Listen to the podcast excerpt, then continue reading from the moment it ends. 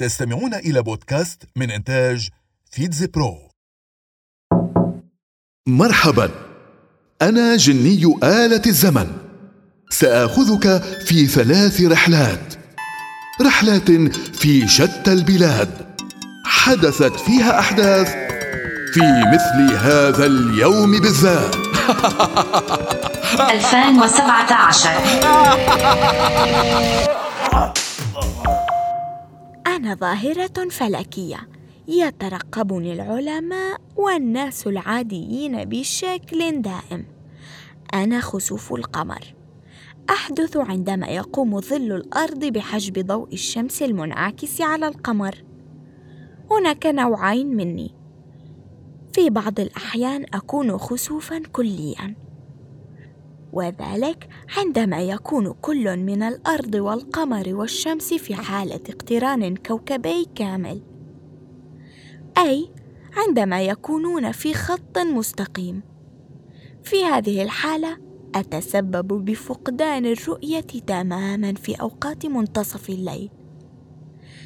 أما في أحيان أخرى أكون خسوفا جزئيا. وذلك عندما يكون الاقتران بين الشمس والقمر والأرض تقريبي وليس كاملا.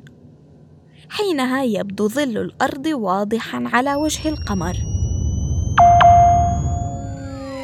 1949 عندما يكون الحديث عن الطائفة الدرزية في لبنان فإنك بلا شك ستسمع اسمي. أنا وليد جنبلاط سياسي لبناني معروف. بعد وفاة والدي كمال جنبلاط الذي كان زعيما للدروز اللبنانيين توليت رئاسة الحزب التقدمي الاشتراكي وقدت الحزب خلال الحرب الأهلية اللبنانية. كنت أيضا أحد أهم مؤسسي تحالف الرابع عشر من آذار وعرفت بمواقف الرافضة للوصاية السورية على لبنان. كنت شاهدا أمام المحكمة الدولية الخاصة بلبنان والتي كلفت بالتحقيق في اغتيال رفيق الحريري رئيس الوزراء اللبناني الأسبق.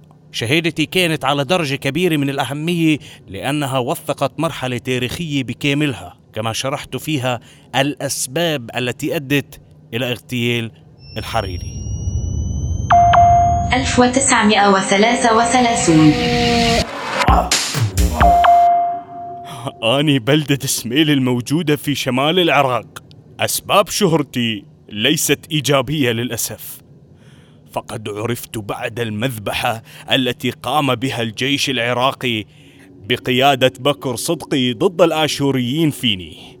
ما حدث وصف بأنه إبادة عرقية ومجازر راح ضحيتها. حوالي 600 شخص وثلاثة آلاف آشوري حسب بعض المصادر البريطانية وذلك في عهد الملك فيصل الأول وحكومة رشيد عالي الكيلاني.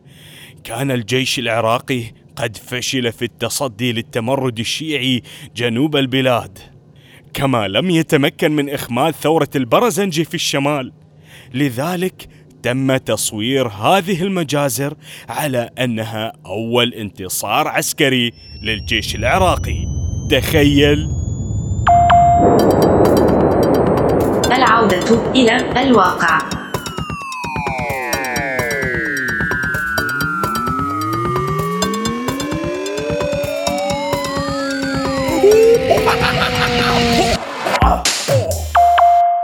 استمعتم إلى بودكاست من إنتاج فيتز برو.